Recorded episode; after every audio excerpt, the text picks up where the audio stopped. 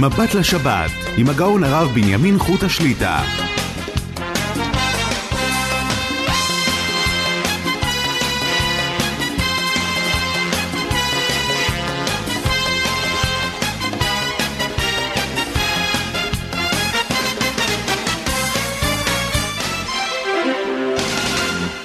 שלום וברכה, ברוך השם נפגשים לשעתיים, מבט לשבת, ערב שבת קודש, פרשת ויצא.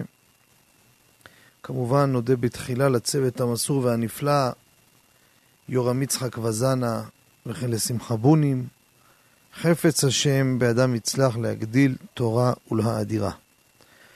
מאזינים המעוניינים לעוד לשידור ולשאול את שאלותיהם, אנחנו נתקשר כבר למספר 077 22 22 211 לאחר מכן שלוחה 8 להשאיר השאלה בקול ברור מספר טלפון ויחזרו עליכם מההפקה. אני חוזר שוב.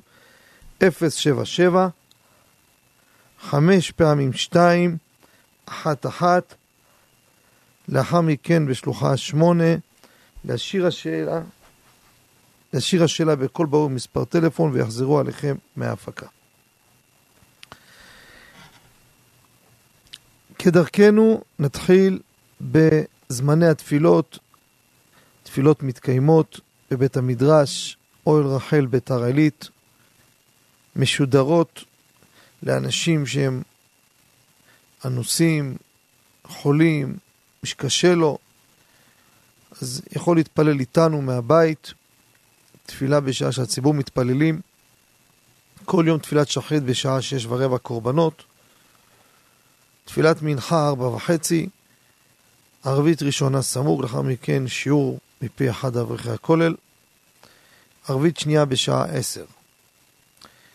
מחר מנחה ערב שבת, עמידה של מנחה בשעה ארבע שלושים וחמש, עמידה של ערבית ליל שבת חמש וחצי, שחרית תשע, מוסף עשר, מנחה של שבת ארבע ורבע, ערבית מוצאי שבת, לאחר אמירת המבדיל בין קודש לחול.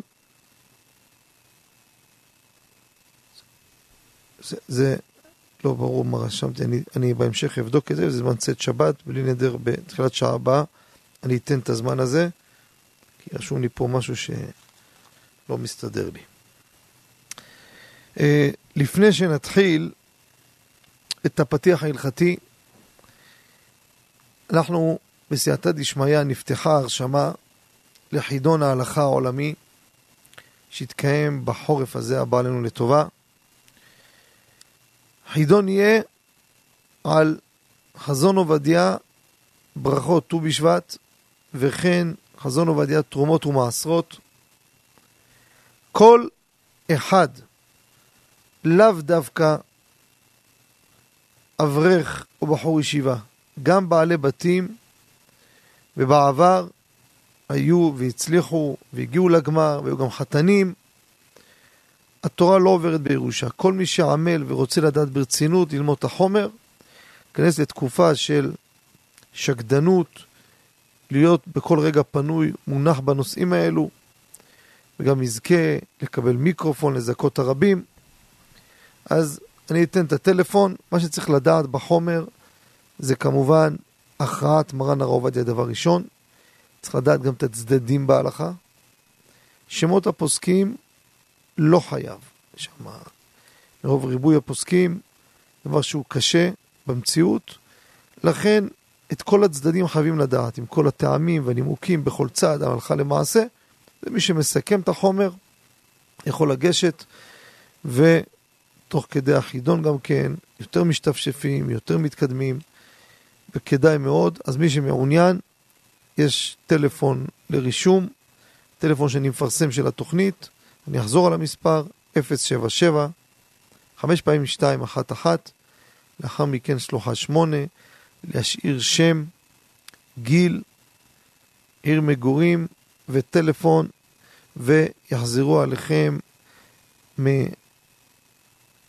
אחראי על החידון מטעם הרדיו, יחזור אליכם, ייצור קשר, בקרוב מתחילים מבחני הסינון. הזמן קצר, והמלאכה מרובה, אנחנו התחלנו בהלכות תפילה. עסקנו בכוונה שהאדם צריך לכוון באמירת שם השם, איך שם השם כתוב, אם זה אדנות או הוויה, דהיינו י' כו' נחזור בזריזות, אם רק אדנות, א', ד', נ', י', אז בזה הכוונה היא רק אדון הכל, אבל אם זה כתוב בשם אות י"ק ואותיות ו"ק, זה נקרא הוויה, יש בו גם כוונה של איך הוא נאמר, נאמר בשם אדנות, לא קוראים אותו באותיות האלו, זה מכוונים אדון הכל, וגם מכוונים היה, הווה ויהיה. כעת נמשיך בעוד כמה פרטים בנושא הזה, וניכנס לעוד נושא לפי הסדר בשולחן ערוך. כשאדם מזכיר שם השם, לא בברכה. לדוגמה, בתוך פסוקי דזמרה. או בתוך הברכה, אבל לא בפתיחה או בחתימה.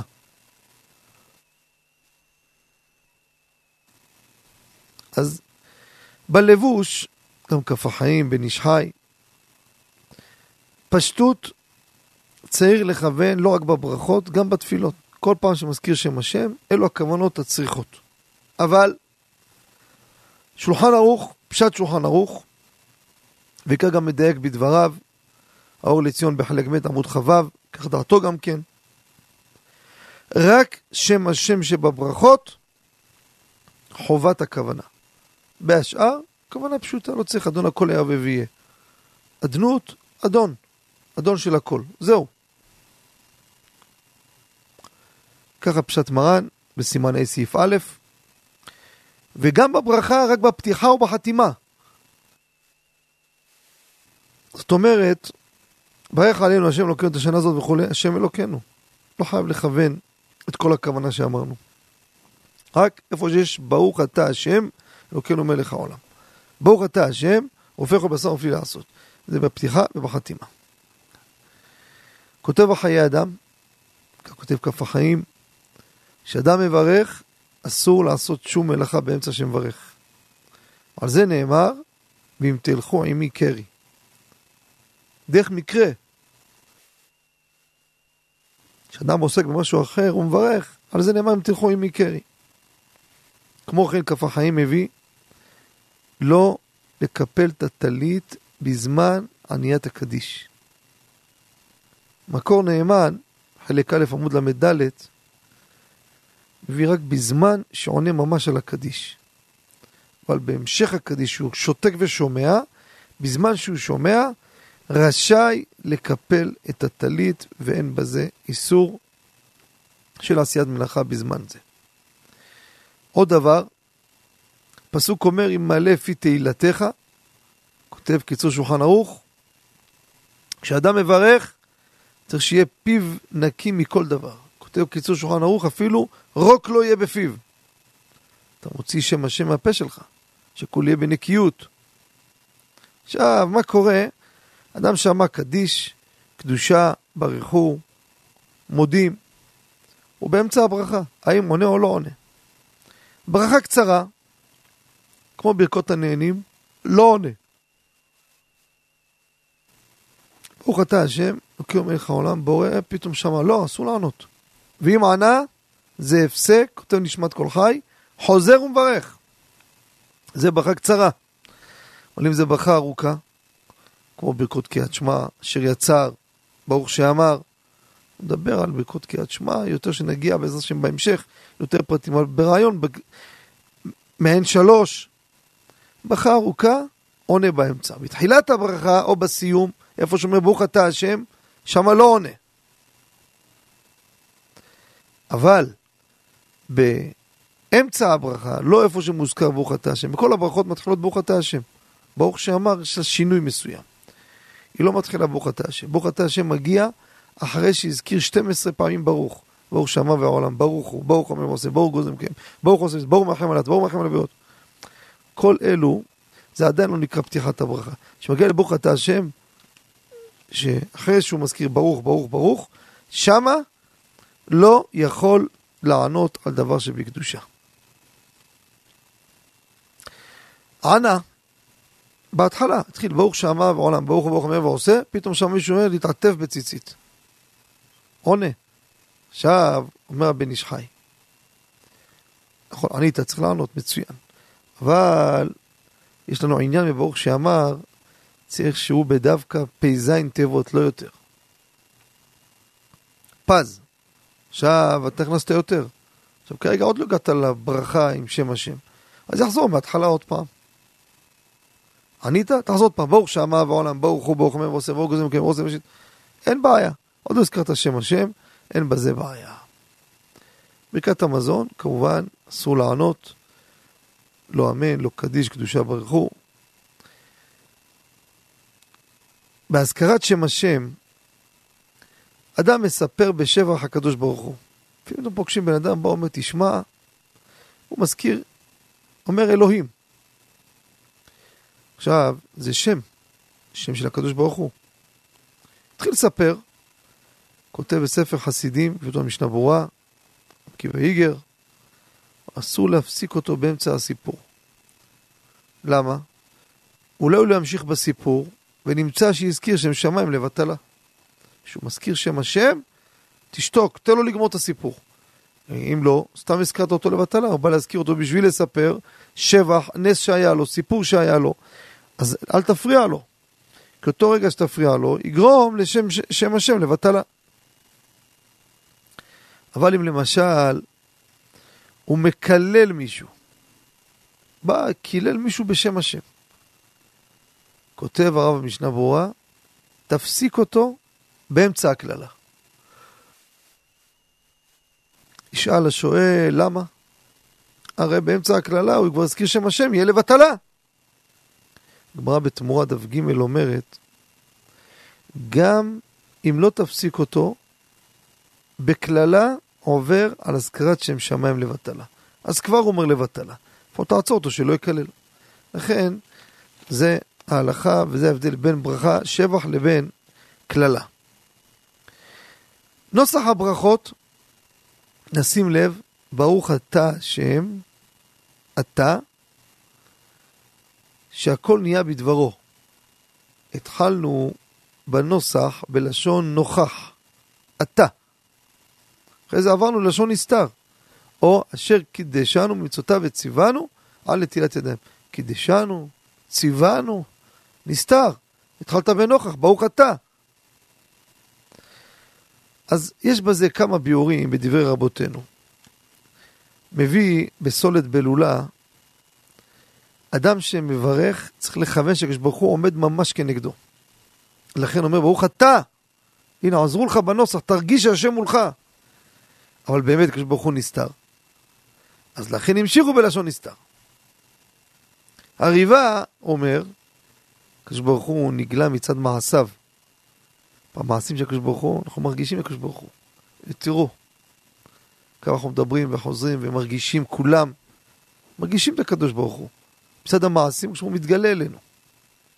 תראו מה קורה, מה קורה בעולם, איך הוא עושה ואיך פועל ואיך מציל הכל. אבל מצד אלוהותו הוא נסתר. הכל בו, סימן א', גם שואל את השאלה, הוא אומר כלשון הפסוק בתהילים, יודוך השם כל מעשיך, יודוך זה נוכח. אחר כך איך ממשיך? להודיע לבני האדם גבורותיו, וכבוד הדר מלכותו, לשון נסתר. אומר הכל בו. לכן הנוסח הברכה כמו הפסוק. כשאתה אותי בפסוק למה, אז הבאנו את הנימוקים שאמרנו. בברכה, גם דבר שחיובו מדי רבנן. נרות שבת. כל מיני דבר, ברכות דה רבנן, אומרים לשון וציוונו. איפה ציווה אותך?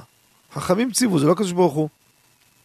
אבל כשברוך הוא אמר בתורה, לא תעשו מן הדבר אשר יגידו לך, ימין ושמאל. כל מצוות דה רבנן, יש להם תוקף כמו של תורה. יש ציווי לשמוע לחכמים. כשאתה שומע לרבנן, יש פה תוקף מהתורה, לכן וציוונו זה הכוונה שאומרים וציוונו. עוד פרט אחד לפני שנעבור לסימן הבא, סימן חשוב ביותר, מחזק ביותר, ברכת אשר יצר, צריך ללמוד אותה. אבל יש פה פרט אחד שניגע בו. רבנו הארי, הארי ז"ל, שאר המצוות מביא, פרשת שמות, היה נזהר לא להזכיר שמות של מלאכים. בין טובים, בין רעים. אפילו מוזכרים בספרים. איך היה מזכיר אותם? שתי אותיות של השם. סמ"ם מסמ"ם א' ל'. יש מלאך טוב, שם שלו מתת ר"ו נ'. אומר מ"ט. שתי אותיות. אומר אבל שמות של מלאכים שבני אדם נקראים בשמם, כמו מיכאל, גבריאל, כל אלו, היה מזכיר אותם. אזכרת שם של שדים. כותב שאר המצוות עובר על ושם אחרים לא תזכירו. כותב שאר הכוונות מגביר כוחם, עד כדי כך רבותיי. לא להזכיר שמות של הדבר...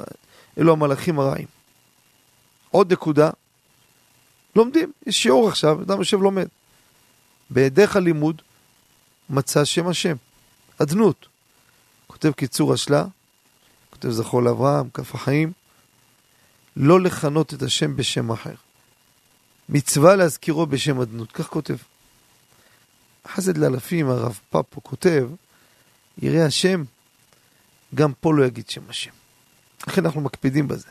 אבל מעיקר הדין, באמצע הלימוד, יושב לומד, שם השם בגמרא. כותב מרן הר עובדיה בכמה מקומות, אבל תראו חזון עובדיה ברכות, עמוד תקי"ג,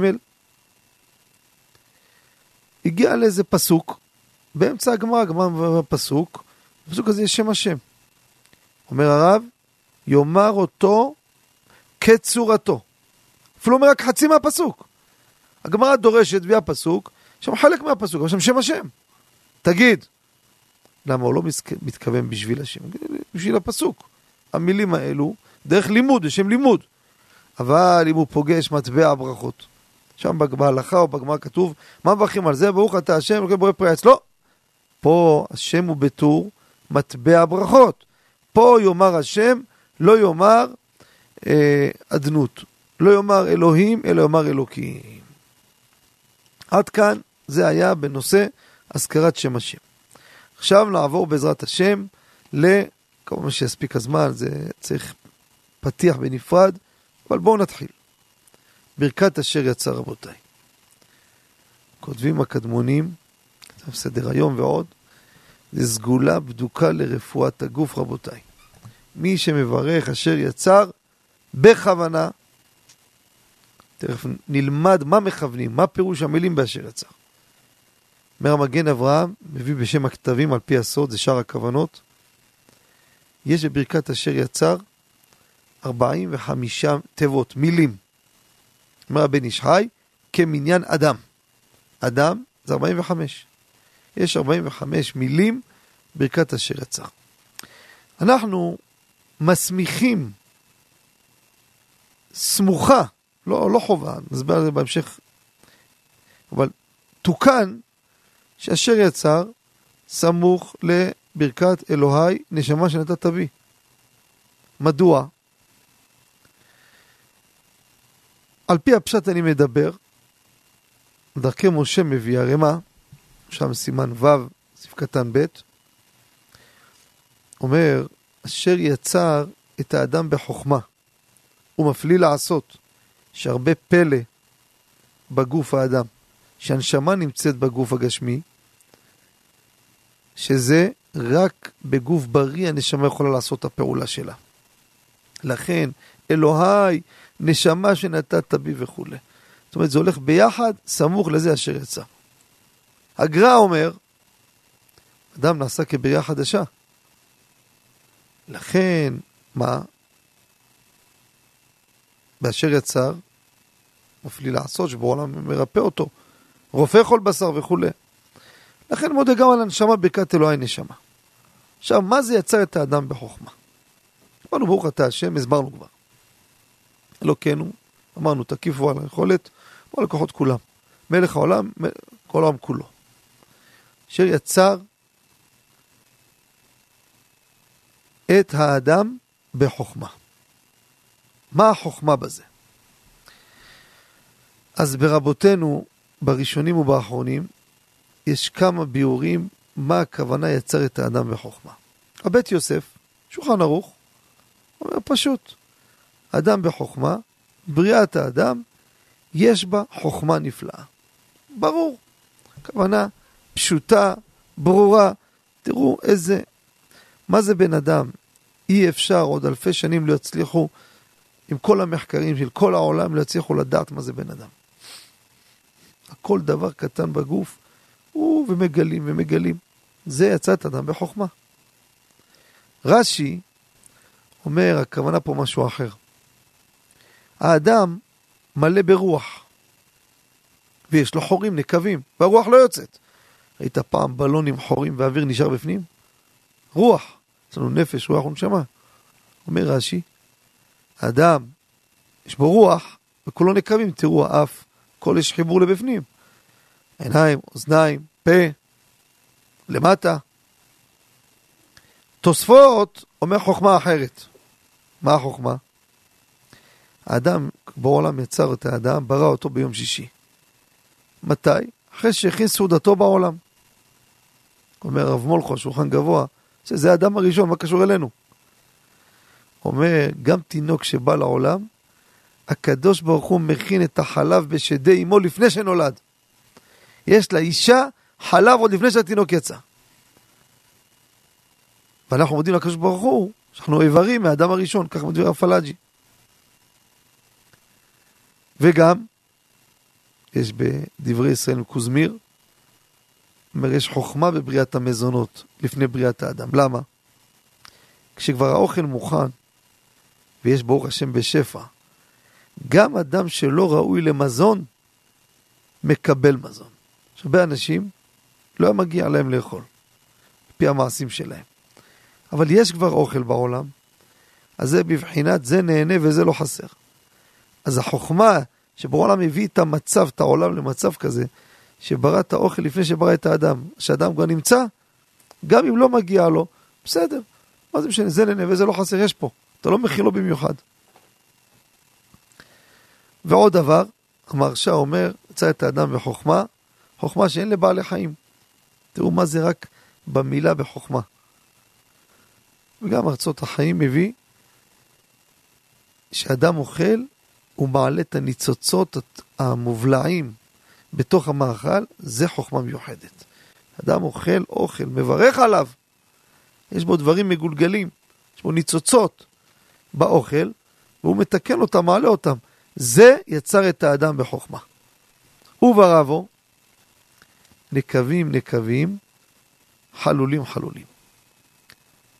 כפול, כפל לשון יש פה.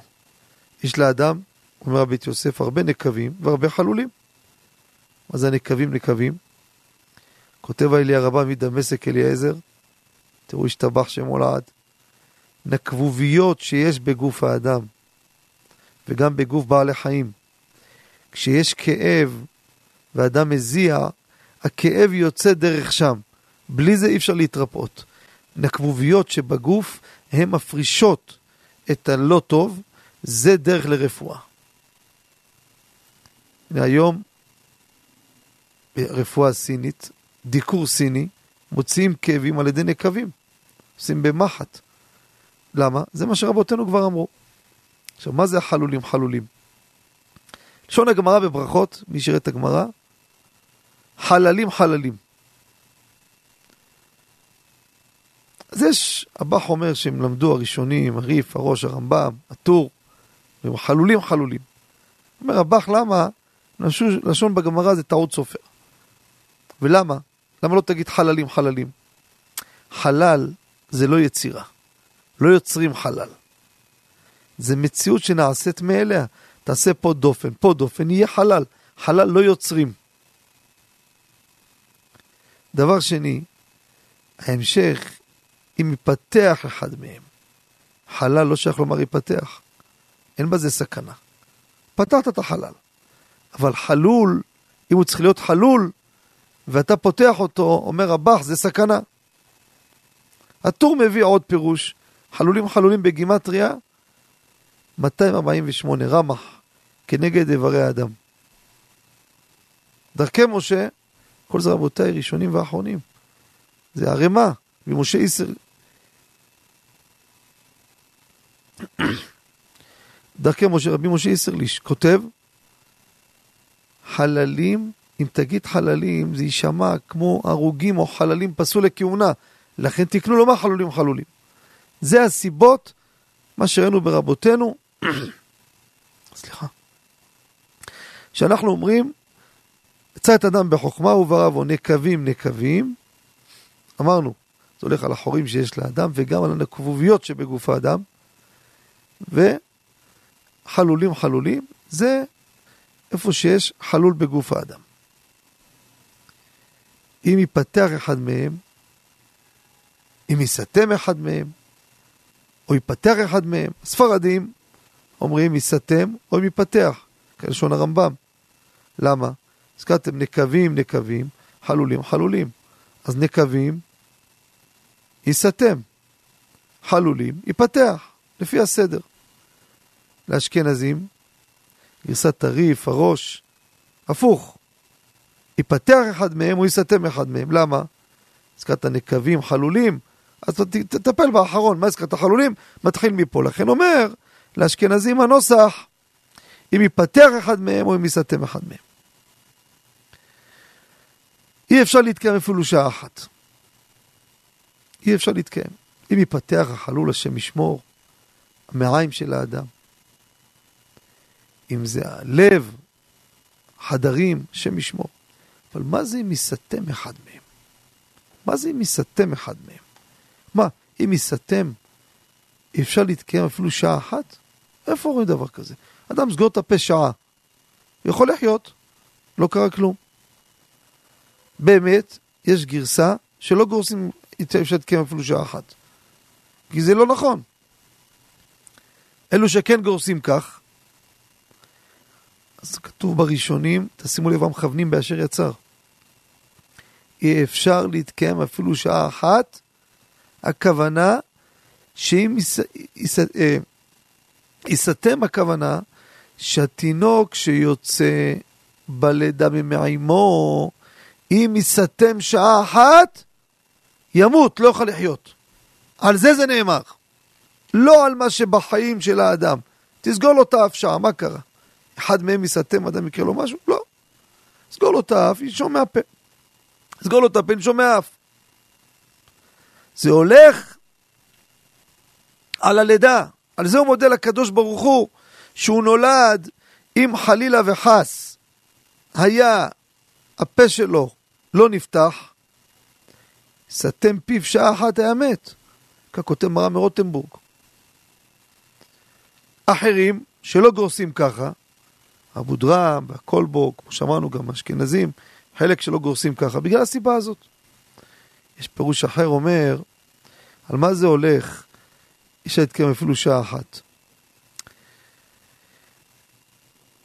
אם ייפתח אחד מהם, אז אמרנו, אי אפשר להתקיים, ייפתח פשוט. אבל בית יוסף מביא עוד פירוש. אם יצא לנקביו ביותר ללא גבול, שם ישמור, אי אפשר להתקיים אפילו שעה אחת. אני עכשיו מדבר על להיפתח. אם אדם פתאום יוצא לו, יוצא לו מהמעיים, מה שצריך להוציא, שם ישמור, לא נחסם, ממשיך לרדת, לרדת. בלי גבול, מה יקרה? ימות. זה על להיפתח. ייסתם, פירוש אחד אמרנו, זה הולך שהוא תינוק. פירוש שני אומר, יש כאלו ברבותינו הראשונים שלמדו, כשאדם יסתום את הפה, נכון, שעה הוא ישרוד, אבל אם יגיע הזמן שכבר אי אפשר, משם אי אפשר להתקיים אפילו שעה אחת. זה הכוונה. שאם יגיע לנקודה שכבר אי אפשר, יעבור את הגבול, לא יוכל לחיות. רבנו יוסף חיים עליו השלום, ועוד יוסף חי בדרושים, פרשת עקב אומר, על זה שהקדוש ברוך הוא נותן בנו חיות וכוח בכל רגע, בלי זה אפשר להתקיים אפילו שעה אחת. זה הכוונה. מה שמקבלים מהקדוש ברוך הוא, עם זה זה עוד פירוש של הבן איש חי. זה מה ההמשך? יש, כמובן, הגענו כבר כבר לצאת להפסקה, אז בעזרת השם, אני לא יודע אם שבוע הבא נוכל להמשיך בזה, גם נצטרך לעבור להלכות חנוכה. בעזרת השם עוד נחזור לזה ונתמצת את הדברים כפי מה, ש... מה שאמרנו היום, אבל כל אחד צריך לרשום, להתרגל. נכון, לפעמים אנחנו ממהרים, לפעמים זה, אבל חשוב מאוד שאדם כמה שיוכל לכוון בברכת אשר יצר לפי סדר, לפי הביאורים. לפני שנצא להפסקה, נודיע על שיעורים השבוע. בעזרת השם ביום ראשון הקרוב לתושבי גוש עציון ואפרת. אז בעזרת השם באפרת יהיה שיעור בבית הכנסת אורות הזית, רחוב יהודה המכבי 8, בשעה רבע לשבע בערב. יום ראשון הבא עלינו לטובה, שיעור בהלכה. לאחר מכן ביום ראשון לתושבי קריית מלאכי, בית הכנסת שערי רחמים, רחוב הרב עובדיה יוסף, בשעה שמונה וחצי. יום שלישי, שיעור הקבוע בבן זכאי, כניסה ליבנה, מושב בן זכאי, בית מדרש חזון עובדיה בשעה שמונה. לאחר מכן יש סדרה, כמו שפרסמנו שבוע שעבר, עוסקים כרגע בדיני ממונות, נעבור לעוד נושאים, תושבי רחובות, יום שלישי בשעה תשע ורבע בלילה, בית הכנסת דרכי אמונה, רחוב הלח"י 36. גבאים שרוצים להזמין שיעורים לקהילה, אפשר לרשום את הטלפון של אלחנן, אפשר דרכו לקבוע שיעור לזכות הרבים בטלפון 0556 797 353. אני חוזר שוב, 0556 797 353. מאזינים שרוצים לעלות לשידור יכולים להתקשר כבר למספר 077 5 פעמים 211 לאחר מכן שלוחה 8 שרת שאלות עם טלפון לתוכנית, גם רישום לחידון הלכה עולמי בשלוחה 8 ובשלוחה אחת זה האזנה בשידור חי לתפילות וגם לשידור ויש עוד שלוחות לשמיעת שיעורים חוזרים אה, למי שמעוניין. נצא להפסקה, מיד נשוב למאזינים הנכבדים, בבקשה. אתם מאזינים ל"מבט לשבת" עם הרב בנימין חוטה. שבנו למאזינים, אתן שוב את הטלפון 077 5 פעמים 2 1 1 לאחר מכן שלוחה 8 לשיר השאלה בכל בור מספר טלפון ויחזרו עליכם מההפקה. שלום וערב טוב למאזין. שלום כבוד הרב, ערב טוב. שלום עליכם. שאלי שלי כזאת, אה, בחול המועד אדם רוצה לקנות חליפה חדשה, יש לו חליפות חדשות, יש לו חליפות בבית, אה, לא דבר האבד, הוא רוצה ללבוש אותו לכבוד החג בתוך המועד. האם הוא יכול לקנות את החליפה? שאלה יפה מאוד. המאזין הנכבד נוגע פה בשאלה מעניינת. צריך לדעת את זה, חול המועד יש לנו פעמיים בשנה וצריך לדעת ההלכה הזו. קנייה בחול המועד זה לא דבר שהוא חופשי חופשי. מרן כותב בתקל"ט סעיף י"ב אין לוקחים, כלומר לא קונים, בתים ואבנים, עבדים ובהמה, רק לצורך המועד וכולי. אומר, שאר כלים נהגו לקנותם בצנעה. זה לגבי דברים שיש פרסום, מרן כותב, יש פרסום בקנייה, והדבר הזה עושה, ניכר שיש פה התעסקות, לא עושים. אבל דבר שבצנעה זה בסדר. בפוסקים מבואר. לצורך המועד, ודאי שמותר לאדם לקנות. מה זה צורך המועד? אומר המאזין, יש לי עוד חליפה. כן, אבל אם אתה רוצה עכשיו חליפה הזו, רוצה להתחדש בעוד חליפה, בסגנון הזה, הרי למה אתה קונה את זה? ברור איזה שינוי ממה שיש לך. דבר שהוא, יש בו הנאה במועד, מותר לאדם אף שהוא יכול בלעדיו. כמו שמותר לקנות אוכל, אף שיש לי כבר מספיק אוכל. אני רוצה סגנון אחר, רוצה עוד, אין לי שום בעיה. לכן, הלכה למעשה, אם קונים את זה לצורך המועד, דהיינו, אתה לובש את זה בחג, או האישה רוצה לקנות בגד, ויש לה מספיק בגדים. הם יוצאים עכשיו בחול המועד, מטיילים, ראו חנות, ראתה איזה בגד. יש לה מספיק בגדים בבית, לכבוד החג. מותר. זה עדיין בגדר לצורך המועד, ומותר לאדם לקנות במועד לצורך המועד, גם באופן זה. יישר כוח. הרב? כן, בכבוד. אה, אני שמעתי רק ורוצה מבקש לברר. יש אה, סוכרזית שהבנתי שיש איתו בעיה בבישול בכלי שני, סוג כזה של סוכרזית, אני לא יודע בדיוק את השם שלו. אה, שמעתי כן. את זה, רק אני רק מבקש לברר אם הרב יודע. אז יפה. שאלה שבהרבה בתים היום אנשים משתמשים או בכדורי סוכרזית או סוכרזית נוזלית. ופה לגבי שבת, מאזין הנכבד שואל, איך אנחנו יודעים איך לעשות עם הדבר הזה? אז צריך לדעת שבסוכרזית, תכף אני אתן לגבי כשרות מסוימת, שהיא המפורסמת, אפשר לומר, ב- ביותר, יש כלל איך נדע איתם האם כל הרכיבים האלו עברו בישול או לא. קודם כל, צריך לדעת שמה שיש איזו אווירה, שכל מוצר מזון, כל הרכיבים עוברים פיסטור או בישול, זה לא נכון. לא כל דבר החוק מחייב, והבאנו דוגמה בעבר. קפה נמס שהוא ודאי עובר בישול, אבל יש אבקה מסוימת שמוסיפים בסוף. איזה אבקה? זה הטעמים, כמו קפה נמס בטעם וניל, בטעם מוקה, כל הסוגים האלו. מחילה. הם לא עברו בישול. ואז מה? כשיש לנו רכיבים שאנחנו לא נוכל להיכנס להסתעף באריכות בעזרת השם, כבוד שבת חלק ג' יצא, אנחנו שם מגדירים, באחת התוכניות הגדרנו את זה. הבאנו את הרב משאש, שמרן הרב עובדיה רמז לו בכמה מקומות בביע עומר, מה הגדר של קלי הבישול.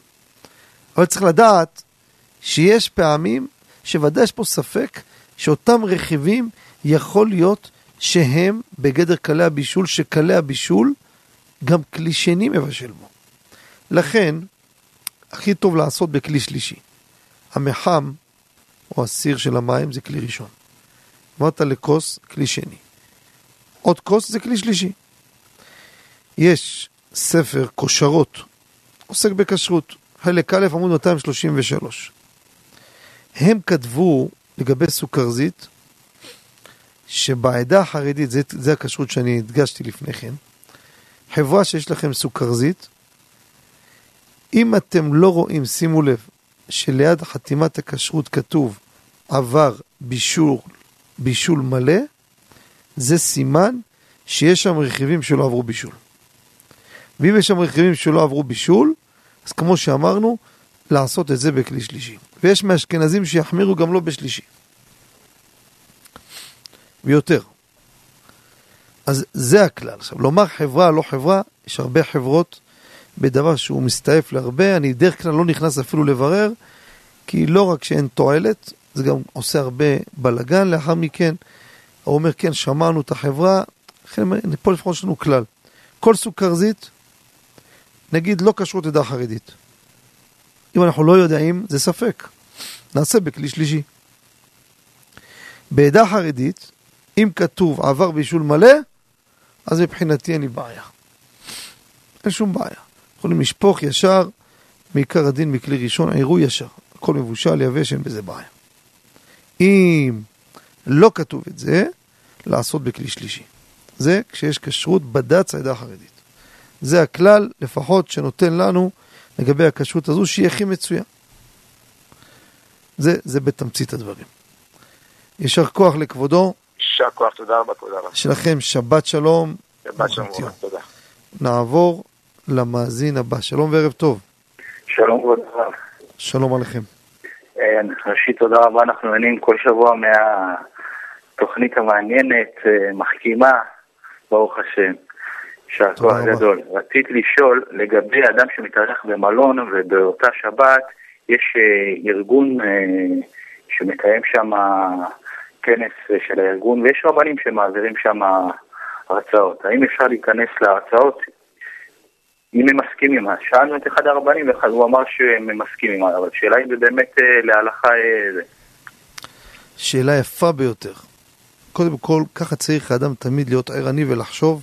לא כל מה שבהישג יד בקלות, סימן שאנחנו רשאים ויכולים לקחת וליהנות.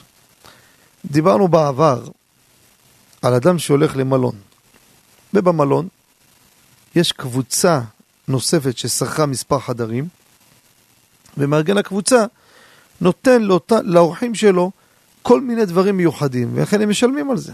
לדוגמה, מביא להם זמר, מביא קוסם, דברים כאלו. אדם שהוא לא מהקבוצה, בא פרטי למלון, וכל האטרקציות קשורות לאותו, לאותה חברת תיירות שהיא בעצם קנתה מספר חדרים, פשוט וברור שאסור לאדם להיכנס וליהנות מהשירותים האלו בלי תשלום, פשוט.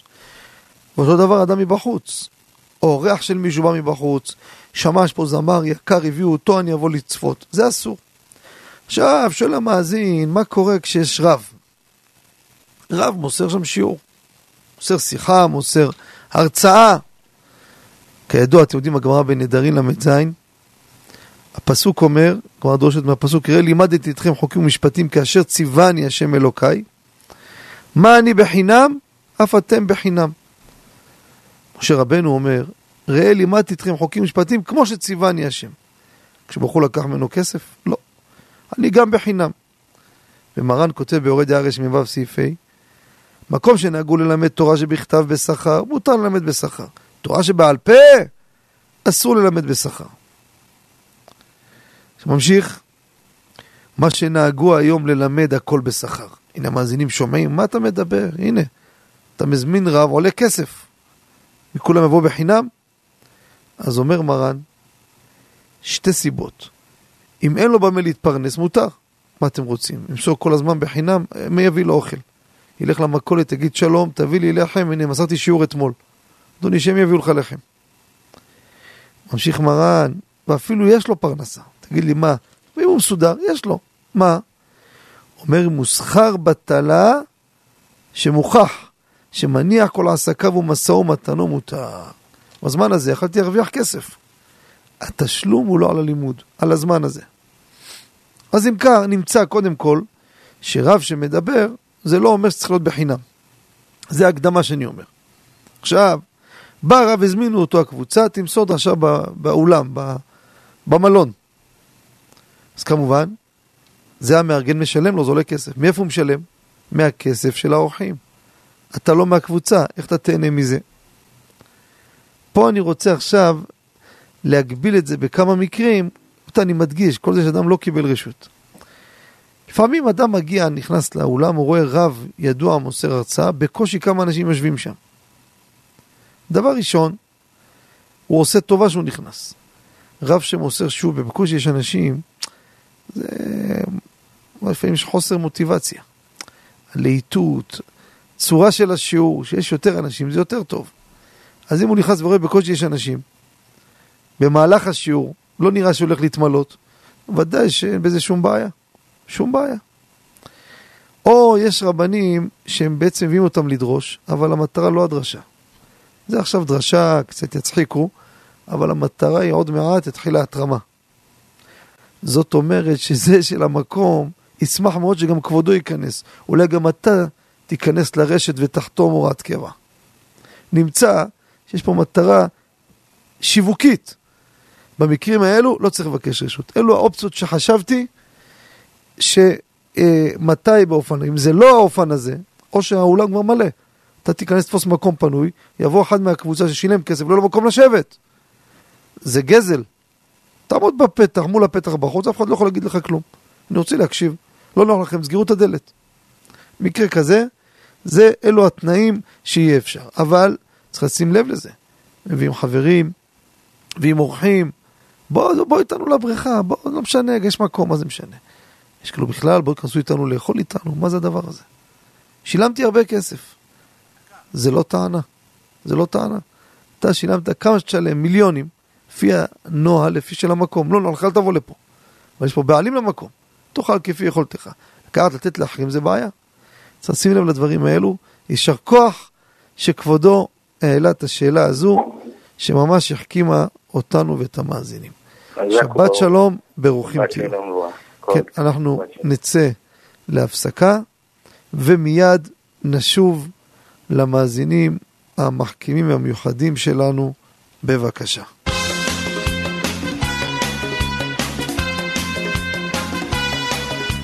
מבט לשבת, עם הגאון הרב בנימין חוט השליטה.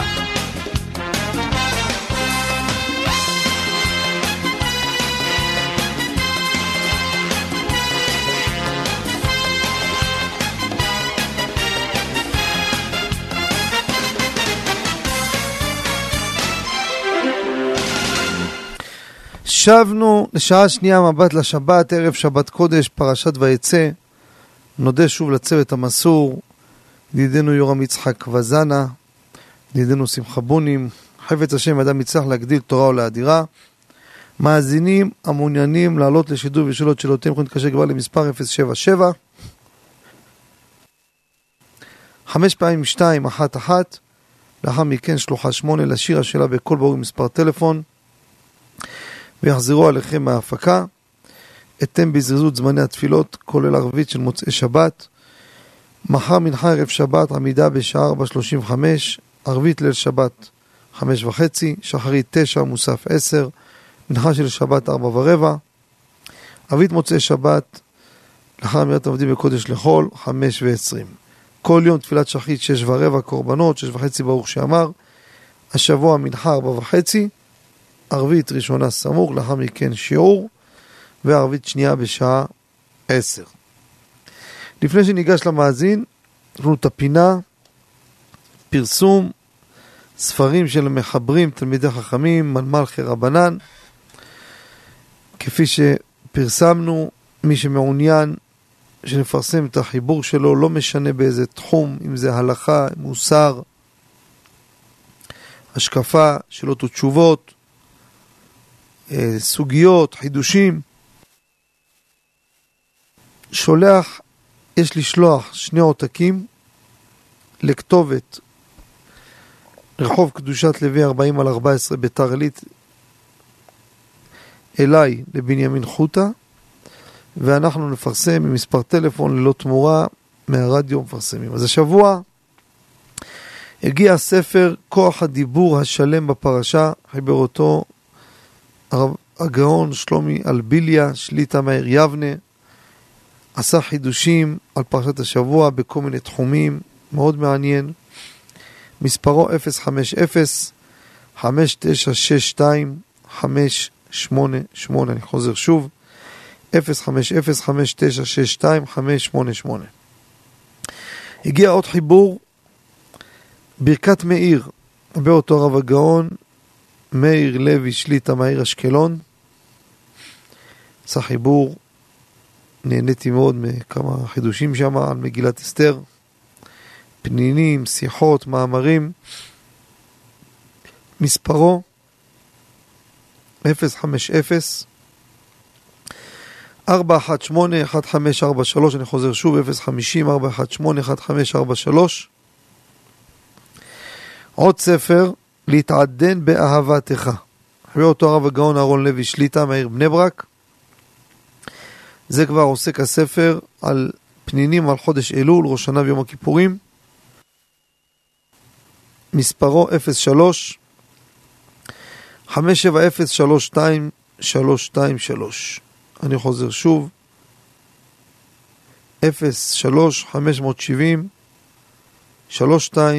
03 570 3232 3.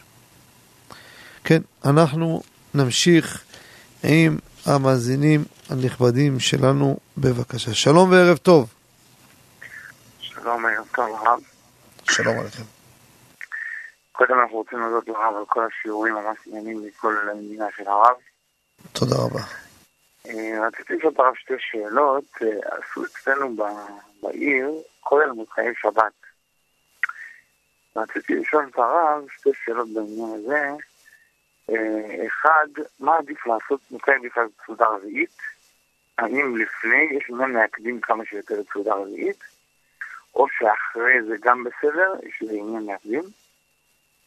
ושאלה שנייה, האם אפשר להתקלח ולהחליף את בגדי השבת לפני שאני הולך לכולל, או שיש עניין שאני אלך עם בגדי שבת, או אפילו אם אני לא מתקלח, האם אני יכול להוריד את העניבה, או שיש עניין גם להישאר עם העניבה.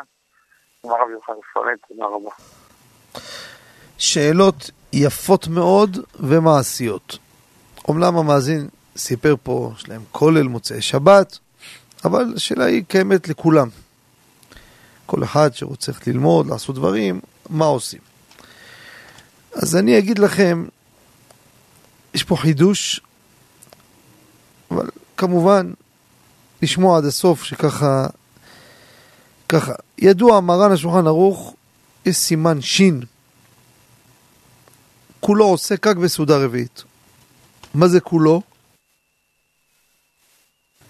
סעיף אחד, לעולם מסדר האדם שולחנו מוצאי שבת כדי ללוות את השבת, אפילו אינו צריך אלא לכזית. כזית אחד אוכל, זה סעודה רביעית. קיבו שבת חלק א', עמוד תת"א. הבאנו את מרן החידה, מחזיק ברכה, מביא בשם ספר הכוונות ישן. שימו לב מה הוא כותב. אין ראוי להתעסק במלאכה שאינה אוכל נפש, צריך לאכול זה משהו אחר, או בתורה, אלא עד אחר שיעשה סעודה רביעית של מוצאי שבת. גם הבן איש חי, שנה שנייה פרשת ויצא סעיף חזן, כותב גם כן. לא, אפילו ללכת ללמוד תורה עד שיעשה סעודה רביעית. עכשיו, מה אני רוצה להדגיש פה? שלא יהיה בלבול. אנחנו מדברים לאחד שיכול לעשות סעודה רביעית. אבל אחד שלא יכול כבר כל כך מלא, לפחות עוד כמה שעות. ברור שילך ללמוד ויעשה מלאכתו ויעשה הכל. ישתדל כמובן לפני חצות הלילה שיהיה סעודה רביעית. אז מסקנת הדברים, אם השואל שואל אותי, האם לעשות סעודה רביעית אחר כך ללכת ללימוד? בוודאי כן. אם אתה יכול. אם אין אפשרות, זה יותר מאוחר. לגבי השאלה השנייה, מתי מורידים בגדי שבת מעלינו במוצאי שבת?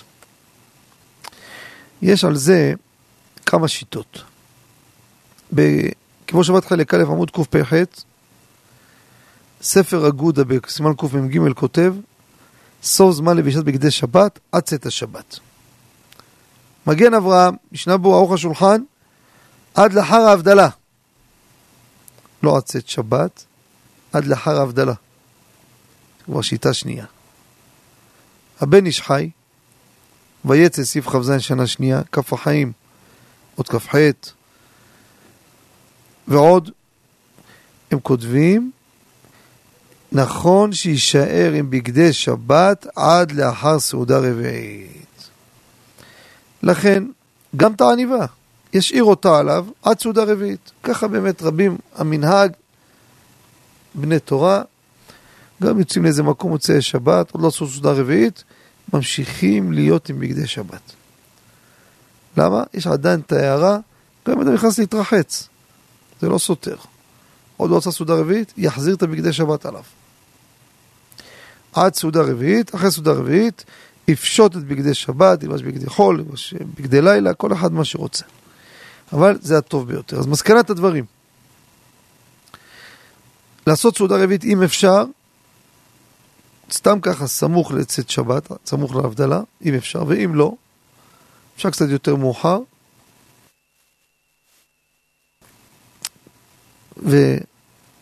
וכל זה לא ילך ללמוד לפני שהוא עושה סעודה רביעית. כל זה שהוא סמוך, אבל אם הוא הולך לאכול מאוחר, מה אני אגיד לו, תתבטל? ודאי שאיך ילמד, ויותר מאוחר זה סעודה רביעית, תשתדל לפני חצות הלילה. הבגדים, עד אחרי הסעודה הרביעית, זה הטוב ביותר. קשה לו, אז אחרי ההבדלה יכול להוריד את בגדי השבת. זה התשובה לשני השאלות. יישר כוח לכבודו, שיהיה לכם שבת שלום ומבורך. ברוכים תהיו. נעבור למאזין הבא. שלום וערב טוב. שלום לכם הרב. שלום עליכם. רציתי לשאול, אה, האם מותר להוציא אה, אורז ששמו בפנים יותר מדי תירס? אני יכול להוציא חלק מן התירס כי אני לא רוצה כל כך אה, כמות גדולה של תירס. אני רוצה את התירס, אבל לא לגמרי. כאילו, אני רוצה להוציא חלק מן התירס שמעורבב עם האורז. זו השאלה הראשונה. שאלה שנייה. שאלה שנייה, אמ, האם מותר לאכול סלט פירות ששמו בו מיץ תפוזים, אה, כאילו סחטו תפוזים בכלי, בכלי ריק, על מנת לרותם בתוך הסלט, הסלט אה, פירות. כן, סחטו, ו... כאילו, אמ, אה, אה, כאילו חתכו אה, אה, סלט פירות. כן, זה הבנתי, סחטו על זה פרי, כן. לא, לא, לא, לא, לא, לא בתוך, לא ישירות על, הסלט. כאילו סחטו בכלי ריק, ואז אחרי זה רק רוקנו את המיץ בתוך הסלט הזה. האם אני יכול לאכול את הסלט הזה? הבנתי. אז ככה, בואו נתחיל מהשאלה הראשונה. יש פה שאלה מעניינת של מאזין הנכבד שואל. יש לו פה אורז תערובת עם תירס, גרגירי תירס. עכשיו, צריך לדעת כלל, חשוב שנדע את זה. אם אני לא רוצה את התירס, זה הפסולת. להוציא חלק מהתירס זה ברור שאסור, והפרי מגדים, סימן ש"מ באש של אברהם קטן י"ח, הוא מביא זה איסור דה רבנן. כי הוא לא הוציא את כל הפסולת. זה קודם כל נקודה אחת. יש ציץ אליעזר, מחלקת ט"ז, סימן י"ב, תוליד זה מחלוקת התז במגן אברהם, לגבי זבוב במשקה, בסדר. עכשיו, המאזין הנכבד בא שואל שאלה אחרת. קודם כל זה היה חשוב שנדע שגם מוציאים פסולת, גם אם מוציאים רק חלק, אם מוציאים את הכל, זה בורר גמור. אם מוציאים, משאירים חלק, זאת אומרת, הוצאתי, אבל נשאר הפסולת. עדיין זה איסור. עכשיו, המאזין הנכבד בא ואומר ככה, אני רוצה להוציא את התירס, כי אני לא רוצה שיהיה לי פה הרבה. זאת אומרת, אני אוהב את התירס, אני אוהב את התירס, ורק אני רוצה להוציא חלק ממנו. הבנתי נכון את השאלה? מצוין, זו השאלה, כן. נכון? זאת אומרת, יש לי פה צלחת. עכשיו, איך אתה מוציא? אתה מוציא רק את התירס או גם עם האורז? לא, רק, כמובן, אם אני מוציא שתיהם, אז אין בעיה. אני רק מוציא את התירס. חלק מהתירס. יפה. אני אגיד לכבודו, אני... יש לי ערעור. יש לי ערעור עכשיו קצת שונה. לכאורה, שאתה מוציא רק חלק, זה לא שהוצאת מין ממין. אני בעצם הוצאתי חלק מהאוכל. מבחינתי זה כמו שיש לי פה צלחת אורז. חלק מהאורז אני רוצה להוציא שיהיה לי פחות בצלחת. ככה פשטות. וראיה שאתה ממשיך לאכול מהגרגירים. זאת אומרת, אתה כן אוכל את זה, זה לא פסולת. יש פה כמות גדולה, אז כמות גדולה, אבל פה ביחס לאורז, זה כמות שמפריעה לך. זה, זה, זה, זה הערעור שבכל זאת נותן לי, אז תן לי שבוע הבא, היה לי כיוון, אבל יש לי, לא, לא אעלה את המאזינים, רציתי להוכיח היה ממקרה מסוים, שכתבנו עליו גם מקרה מעניין, אבל אני חושב תוך כדי, עולה לי כיוון אחר. אז בלי נדר, תן לעיין בזה שוב, אחריות, אנחנו מדברים פה הלכה למעשה. אז בסדר, כדרכה של תורה. אז אני, בלי נדר, אשב על זה. אם יהיה לי עד מחר תשובה, מחרת אני בלי נדר אתקשר לכבודו, יש לי את הטלפון פה. ולמאזינים שבוע הבא אני גם אגע ואני אגיד לכם גם את הכיוון. אה, אני לא רוצה לסבך את העניין. אני חושב שיש פה איזו נקודה דקה מאוד. אתם יודעים מה זה בורר. אה, כתבנו איזה מקרה, נשאיר את זה. עכשיו, לגבי השאלה השנייה. כל איסור, קודם כל המאזינים, כן? עושה פה סלט פירות, זה בסדר. וכדי שיהיה טעם, הוא הולך, אני רוצה לתת שתי מקרים. מקרה יותר פשוט, לוקח פרי, סוחט אותו, ועל האוכל, משקיע הבא לאוכל, הרי הוא כאוכל, הלכה למעשה, צריך שיהיה, זה מחלוקת הפוסקים כמה, רוב המשקה צריך שיבלע במאכל. משהו גם בין הפירות, גם עצמם מבצבץ, זה גם נקרא במאכל. גם דבר שעתיד בהמשך להיספק, זה גם נקרא לתוך המאכל. משקה הבא לאוכל, הרי הוא כאוכל. זה הלכה, מרן כותב את זה בסימן שכ סעיף ד', גם ענבים, גם פירות, מותר לתוך המאכל. פשוט. עכשיו, גם דבר שזה מחלוקת, יש פוסקים שטוענים, צריך שכולו ייבלע. אז גם אם עבר ועשה, גם אם הוא, נגיד, הוא נוהג לאיסור, רבו מורה לו לאיסור, אז יש את הכלל הידוע שהשתמשנו בו הרבה פעמים, הפרי מגדים בתחילת סימן שי"ח, יש ברורה וכל הפוסקים. יש דבר שהוא מחלוקת הפוסקים, ויש דעות שמתירות, יש דעה שמתירה ודעה שאוסרת, אף אם נפסק לשיטתך, אפילו שולחן ערוך פסק לאיסור, עצם העובדה שיש מי שמתיר, אסור לי לעשות את זה. אבל בדיעבד אם עבר ונעשה, מותר ליהנות מזה. והפרי מגדים מבואר, גם כף החיים כותב כך, אפילו במזיד זה נעשה. אומר לו הרב אסור, בכוונה עשה. מותר ליהנות מזה, למה? כי יש דעה שמתירה, זה פשוט. אבל פה זה סיפור אחר. כשאתה סוחט, משקיע בא לאוכל, אתה סוחט ישר לאוכל. אתה סוחט לכלי ריק, זה ודאי שזה אסור. ודאי שזה אסור. אם... וזה, וזה אסור לכולי עלמא. רק אם נדע שיש מי שהקל בזה, אז זה סיפור אחר. וממילא, אם זה דבר שהוא אסור, אז באמת יהיה אסור ליהנות מזה. עכשיו תשאל אותי, אבל זה יתבטל ברוב, יש קצת מיץ, ויתבטל בתוך הסלט פירות. יש לנו כלל, דבר שיש לו מתירין, אפילו באלף לא בטל. הוא לא יכול להתבטל, כי במוצאי שבת הכל יהיה מותר. דבר שיש לו מתירין, אפילו באלף לא בטל. אם הוא יתבטל לפני שהוא נהיה איסור, שימו לב מה אני אומר. אם הוא יתבטל ברוב לפני שנעשה איסור, בואו ניתן דוגמה. מישהו לקח כוס מים, תקשיבו טוב, שפך לתוך מחם בשבת, השם ישמור. היה שם מים, קח כוס מים קרים מהברז, שפך. איסור גמור, השם מרחם ויציל. האם הוא אסר את כל המים בשתייה באותה שבת? שהרי, לפי מה שאמרנו עכשיו, זה נקרא דבר שיש לו מתירין. אם מותר מוצאי שבת, זה לא מתבטל אפילו באלף. לא, פה זה שונה. למה שונה? שהוא זרק את המים, המים התבטלו לפני שהתבשלו. לוקח זמן להתבשל.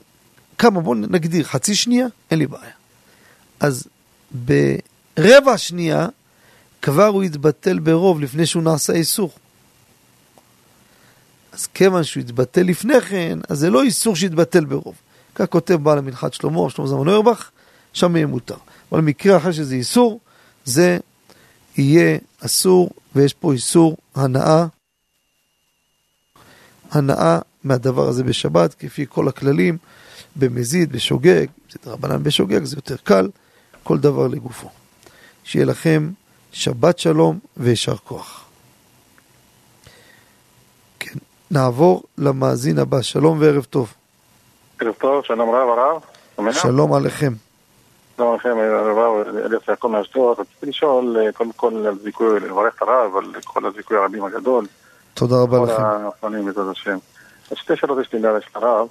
לאחד, יש את התמונה הידועה, שהיום את זה בהרבה בתים, אני גם רכשתי את זה, ופשוט נשאלתי, לא שמתי לב, יש אומנם תמונות של אה, קוטב, של קנבס, או לא משנה, תמונות שהן ריקות באמת, בלי מסגד או, או ירח, או תמונה של ירח, אבל יש תמונות שיש בהן מצד שמאל, צורה, יש את הכותל כמובן בתמונה המרכזית, מצד שמאל אבל יש את המסגד שרואים אותו, אני לא יודע מה זה, אבל יש את הצד השני, יש את הירח, ירח ממש כולו לא חצי ירח, אלא ירח מלא.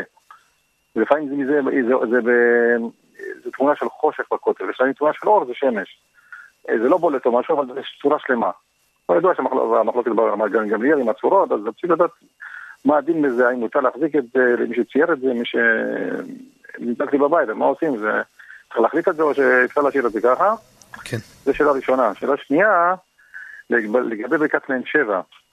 אה, רציתי לחלק את זה בצורה כזאת, יש לפעמים מקומות בינונות שאנחנו עושים בערכים או כל מיני ארגונים, שלפעמים זה שש או שבע פעמים יכול להיות שבשנה שאנחנו כן עושים, זה מקום, זה לא בית כנסת, זה אולם אירועים, או אולם uh, של חדר אופס שאנחנו מקדישים אותו לאולם הרצאות, ושם אנחנו עושים גם uh, בית כנסת. הספר תורה לא נמצא שם, הספר תורה נמצא באיזה חדר כספת שלנו, באיזה חדר של המלון, אנחנו ביום שבת בבוקר מביאים אותו ומחזירים אותו. אין שם, אין במקום ההוא. עכשיו מה החילוק, מה הגדר? לפעמים אנחנו עושים ויש עוד, עוד כנסים של uh, אולי ידברו, או לא משנה, כל מיני כנסים של דברים אחרים שעושים את זה במשך השנה.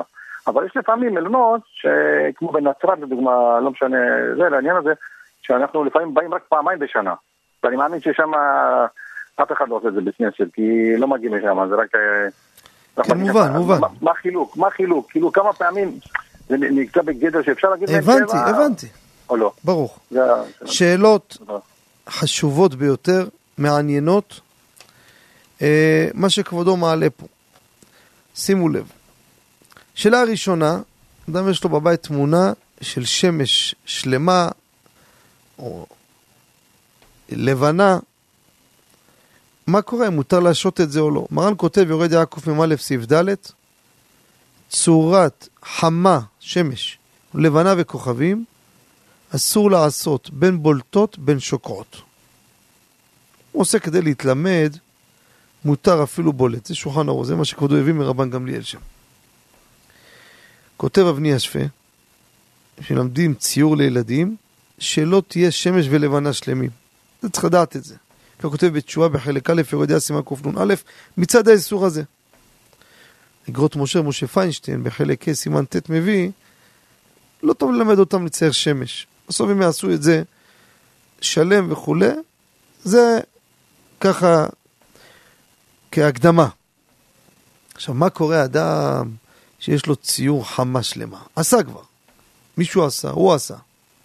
השאיר את הטורי זהב שם, וגם כותב קיצור שולחן ערוך סימן קס"ח ציב קטן א', אם הם לא בולטים, כמו ציור רגיל, לא, לא בליטה, מותר להשעות את זה. שבוע שעבר הייתה שאלה מעניינת, לא אני קיבלתי אותה, קיבל אותה הרב הגאון רבי יהודה גנץ, שליטה מירושלים, נמצא איתו באיזה כינוס, והוא סיפר ששאלו אותו שבעיריית בית שמש, אני לא ראיתי את זה, בטפסים של העירייה יש ציור של שמש שלמה. העירייה עשתה, עשתה. שאלה היא אם מותר לקחת את זה ולצלם את זה. לשלוח מייל, לסרוק את זה, פקס. אתה עכשיו בעצם מייצר פורות שמש. שהרי בזה יש שמש, ואתה עכשיו לכאורה מייצר פה שמש שלמה. שאלה מעניינת. ואני אמרתי, לעניות דעתי, ומצאתי לזה סימוכין גם כן, זה קשור לשאלה פה, ציור זה הוא עושה את הציור, מצייר עושה יצירה של שמש. צילום מסמך זה דבר שנעשה מאליו. כעין, תעשה ולא מן העשוי.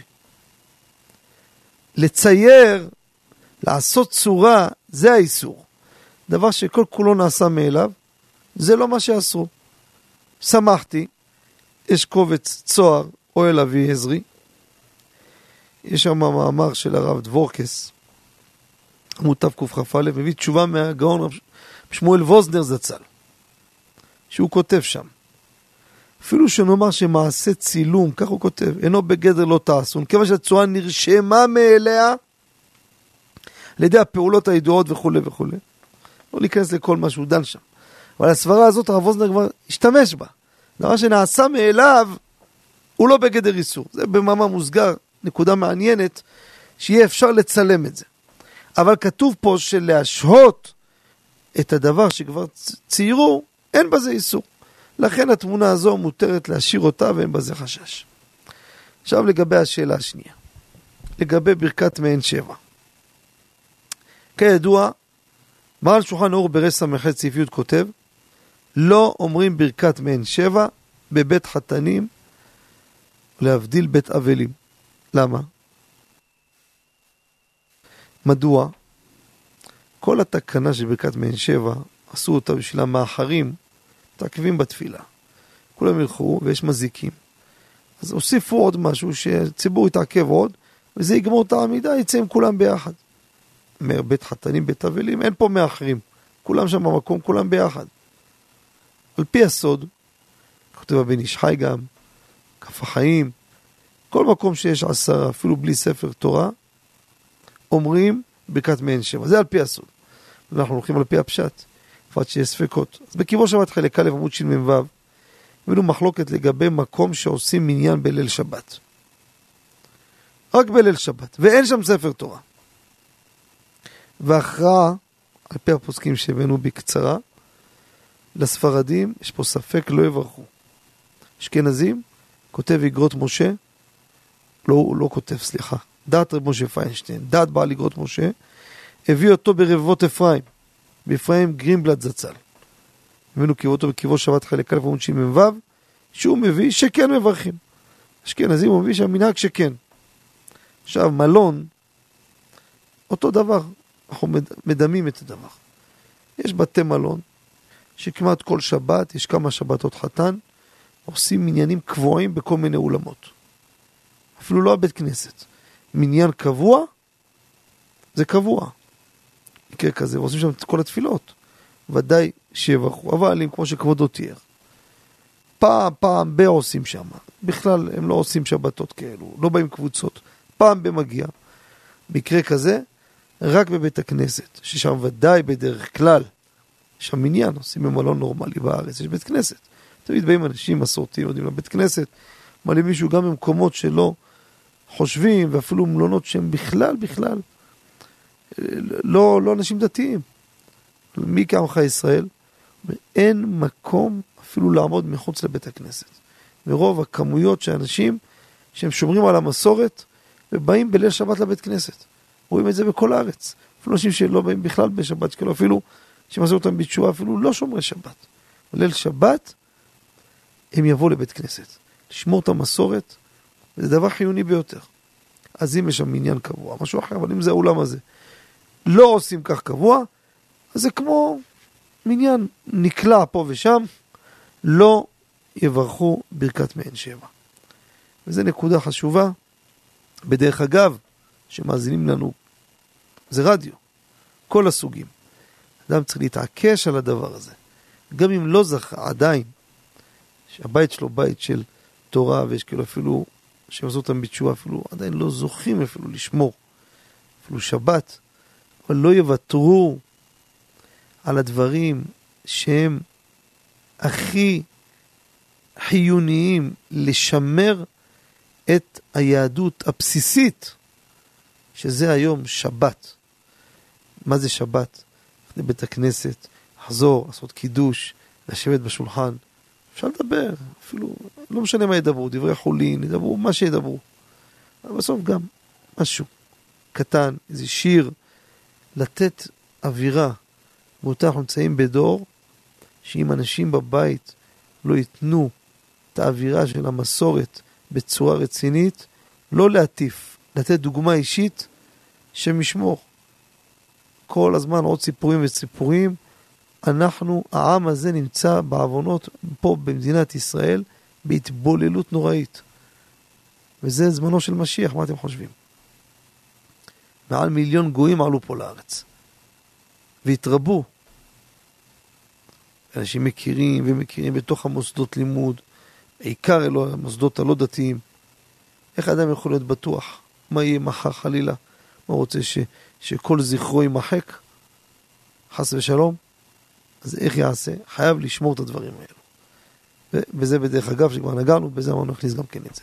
בסדר, יישר כוח, שבת שלום, יגדיל תורה וידיר. אומרים לנו פה לצאת להפסקה, ומיד אחרי ההפסקה נשוב למאזינים הנכבדים, בבקשה. אתם מאזינים ל"מבט לשבת" עם הרב בנימין חוטה. שבנו מהפסקה, ניגש למאזין הבא. שלום וערב טוב. שלום כבוד הרב. שלום עליכם. אה, רציתי לשאול בבקשה, אה, לכהן מותר לו לכנס בית קברות של אה, תנאים, של רבנים, כיוון אומרים שמצוותם כחיים, זה. יפה מאוד. אז באמת לא, לא זכור לי שנגענו בשאלה הזו, וזה חשוב שנדע את הדבר הזה, פעם את היסוד של הדבר. מה זה נכבד שואל, הוא עכשיו, הוא כהן, רוצה לדעת אם מותר ללכת לקברות צדיקים. קבר רחל, קברי תנאים, רבי שמעון בר יוחאי וכולי. במה תלוי הסוגיה הזו?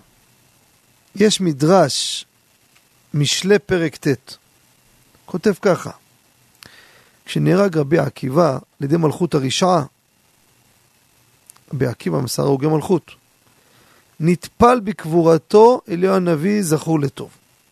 מי בא לטפל בו? אליהו הנביא. והיה נושאו על כתפיו יחד עם רבי יהושע הגרסי, תלמידו של רבי עקיבא. אליהו הנביא בא עם תלמידו של רבי עקיבא לטפל ברבי עקיבא. שאל רבי יהושע הגרסי את אליהו, הלא כהן מר, כבודו כהן, אסור לכהן להיטמא למת. אמר לו אליהו הנביא, חייך רבי יהושע, אין טומאה בתלמידי חכמים ולא בתלמידיהם. לא, אין טומאה.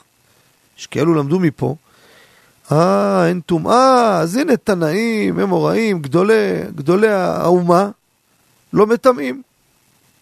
אבל מרן הרב עובדיה בחווה דעת חלק ד' סימן נ"ח וגם יביע אומר חלק ד' יורד דעה סימן ל"ה. אני לא אביא את כל הפוסקים שהוא מביא, אגיד לכם בתמצית מה הוא אומר. הוא מביא כמובן גם פוסקים אשכנזים וספרדים, וגם ראשונים מאוד, ראשונים, אחרונים, שזה איסור גמור רבותיי. אסור לכהן להגיע למקום שיש קבורה, גם שיהיה אדם גדול, גם קבר רחל, אסור. מה יענה למה שהיה אליהו הנביא? אומר רבי עקיבא היה מת מצווה. מת מצווה דין שונה, רק קצת להבין, הוא אומר לו, אין תאום בתלמידי החכמים ולא בתלמידיהם. תגיד לו, מת מצווה. צריך להבין את זה, אבל זה מדרש.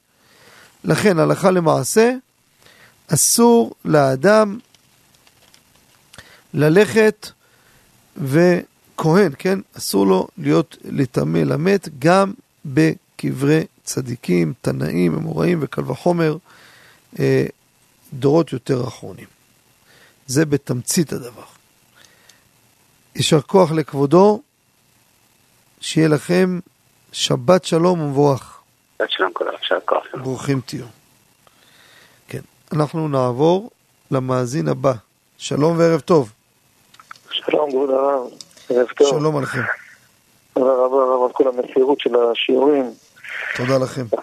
שמחים מאוד לשמוע את הרב. הרב, שאלה בהלכות בית הכנסת, מה שכותב מרן בשולחן ערוך שמותר לחכמים ותלמידיהם לאכול מדוחק, לאכול בבית הכנסת מדוחק. השאלה, מה הדין לגבי אכילה שהיא לכאורה לא מדוחק, כמו לדוגמה לאכול גלידה, כאילו נטו לתענוג, לא שאדם רעב או משהו. נגיד הוא אכל סעודה ורוצה בסוף לאכול גם קינוח. השאלה אם גם זה נקרא בגדר של מדוחק, אם זה מותר. יפה. שאלה של המאזין, אני ארחיב אותה קצת. שואל המאזין, תכף נקרא את מרן, למי מתירים לאכול בבית כנסת? לא רק נשאל על דוחק, גם מה זה תלמיד חכם. מה, אדם אחר מביא לו לברך ברכות, מותר, אסור, מה עושים? יש לנו שולחן ערוך באורח חיים קנ"א סעיף א'. בתי כנסיות ובתי מדרשות אין נוהגים בהם קלות ראש, כגון שחוק ועיתול, שיחה בטלה, ואין אוכלים ושותים בהם וכולי. ותלמידי חכמים ותלמידיהם מותרים לאכול ולשתות בהם מדוחק. כך כתוב פה. כתוב פה תלמידי חכמים ומדוחק. מי זה תלמיד חכם? חידוש, כותב דעת תורה למר שם. כותב ככה: כל שיודע קצת ללמוד, דינו כתלמיד חכם לעניין זה. מה הראיה? מביא תלמוד ירושלמי. רב עמי, מה היה שמה? היה מצווה, מצווה לחכמים, לסופרים, אם יבוא בן אדם אצלכם שיש בו לחלוכית תורה, אין בו הרבה תורה, הוא לא תמיד חכם, הוא לומד תורה, תקבלו אותו עם חמורו וכליו, ולא תגידו אסור לנהוג מנהג ביזיון בבית המדרש. כיוון שיש בו קצת תורה, הרי הוא כתלמיד חכם. על זה סמכו. דעת תורה זה לרב שבדרון, ככה מביא, שככה על זה סמכו, וזו הלכה שהתקבלה. עכשיו, מה זה הדוחק הזה? הביאור ההלכה, דיבור מתחיל ואין אוכלים, כותב כדי שלא יתבטל מלימודו. לומדים מפה כמה וכמה פוסקים. כל דבר שעושה כדי שלא יתבטל. עכשיו הוא רוצה משהו. אם אני אגיד לו, לא יוצא החוצה לעשות את זה. מרן הרב עובדיה מביא גם לגבי סיגריה. הוא מתיר. אם הוא יושב לומד, כדי שלא יתבטל, מותר לעשן סיגריה. כמו כן, הביא אפילו לגבי מי שיראה בהליכות עולם חלק א' עמוד ס"ג, זה עכשיו בדיוק החורף, אצל הספרדים, מקומות שעושים בקשות, ועם כיבוד בית הכנסת, ואפילו מביאים לחיים. כותב הרב, אם שותים רק כוסית יין, כך כותב, לא הרבה. לא יש שיחה בתל התורה ושירות ותשבחות לכבוד התורה, הוא מתיר את זה שם בהליכות עולם גם כן. רואים מפה, גם כן, יש הרבה שיטור לגבי האזכרה, נכון? אז דחמד יחמיר ביורצה את שמי משקה. בסדר, אבל מנהג העולם, זה, על זה סמכו. אז נמצא מדוחק הכוונה, לא שדבר חיוני, אם לא זה, רק מה שמינימום לאכול, לא. כל מה שבגדר האכילה, כדי שלא יתבדל מלימודו. ועל זה סמכו. הם עושים סעודה, גם מביאים קינוח, בפשטות, באופן שהאכילה מותרת, גם הקינוח הוא משתייך והוא בגדר דבר המותר. יישר כוח לכבודו, שיהיה לכם שבת שלום ומבורך. שלום שלום. יש איתנו מאזין? שלום עליכם, כבוד הרב ערב טוב. שלום עליכם, שלום עליכם. רצינו לשאול שתי שאלות לגבי שפתיים יבשות, זה מצוי יותר בחורף גם. אה, לגבי, הרבה פעמים זה מתייבש והאור אה, עומד להתקלף. שאלה לגבי האדם, הוא רוצה לאכול משהו, אם הוא צריך לחשוש, אם הוא יאכל את זה בטעות, או יש כאלה מלכלכים את השפה עם הלשון. אז אם, אה, אם צריך לחשוש בזה, זה ביום חול, אה, לגבי אכילת בשר אדם, או אור, של אדם, וביום שבת, אה, אדם לפעמים שתה משהו, אכל משהו, רוצה לנגב את, ה, את הפה שלו עם נייר, האם יש בזה בעיה של תולש? יפה מאוד. יש פה שתי שאלות, סוגיות שונות לגמרי, סביב השפתיים, שצריך לנגוע בהם יפה מאוד. שאלה ראשונה, אתם יודעים, הרבה פעמים אנחנו, יש לנו, בחורף בעיקר, עור השפתיים מתייבש, מתחיל להתקלף, ואנחנו עם השיניים אה, רוצים לתלוש אותו. או לפעמים אדם יש לו עור בידיים או משהו, והוא עם השיניים רוצה לתלוש את זה. האם זה מותר או אסור? צריך לדעת, הרמב"ם בהלכות מחלות אסורות, פרק ד' הלכה כ"א כותב, עור האדם הרי הוא כבשר, רך, בין לאיסור אכילה בין לאיסור טומאה. הרי מה יורד העין ט' כותב בסעיף א', בשר אדם אסור לאכלו מן התורה. חלק מהגוף של האדם אסור לאכול מן התורה. הרמב"ן מצד שני, עם נון, ועוד ראשונים, אומר, כל שזה בא מאדם חי, מותר לגמרי לאכול את זה. אם הוא מת, מת אסור בענה, אבל אם הוא חי, אין בזה בעיה. קראתי, אמרתי לכם רמה, איפה מרן בתמונה? כותב הפרי חדש, בסעיף קטן ו', בסימן ע"ט יורה דעה, למה מרן השולחן ערוך השמיט את זה וגם הטור, כותב הפרי חדש, לדעת מרן, מותר לגמרי. אדם יכול לקחת, לאכול את העור שלו. הוציא עור, בשיניים אין שום בעיה. ככה פרי חדש כותב.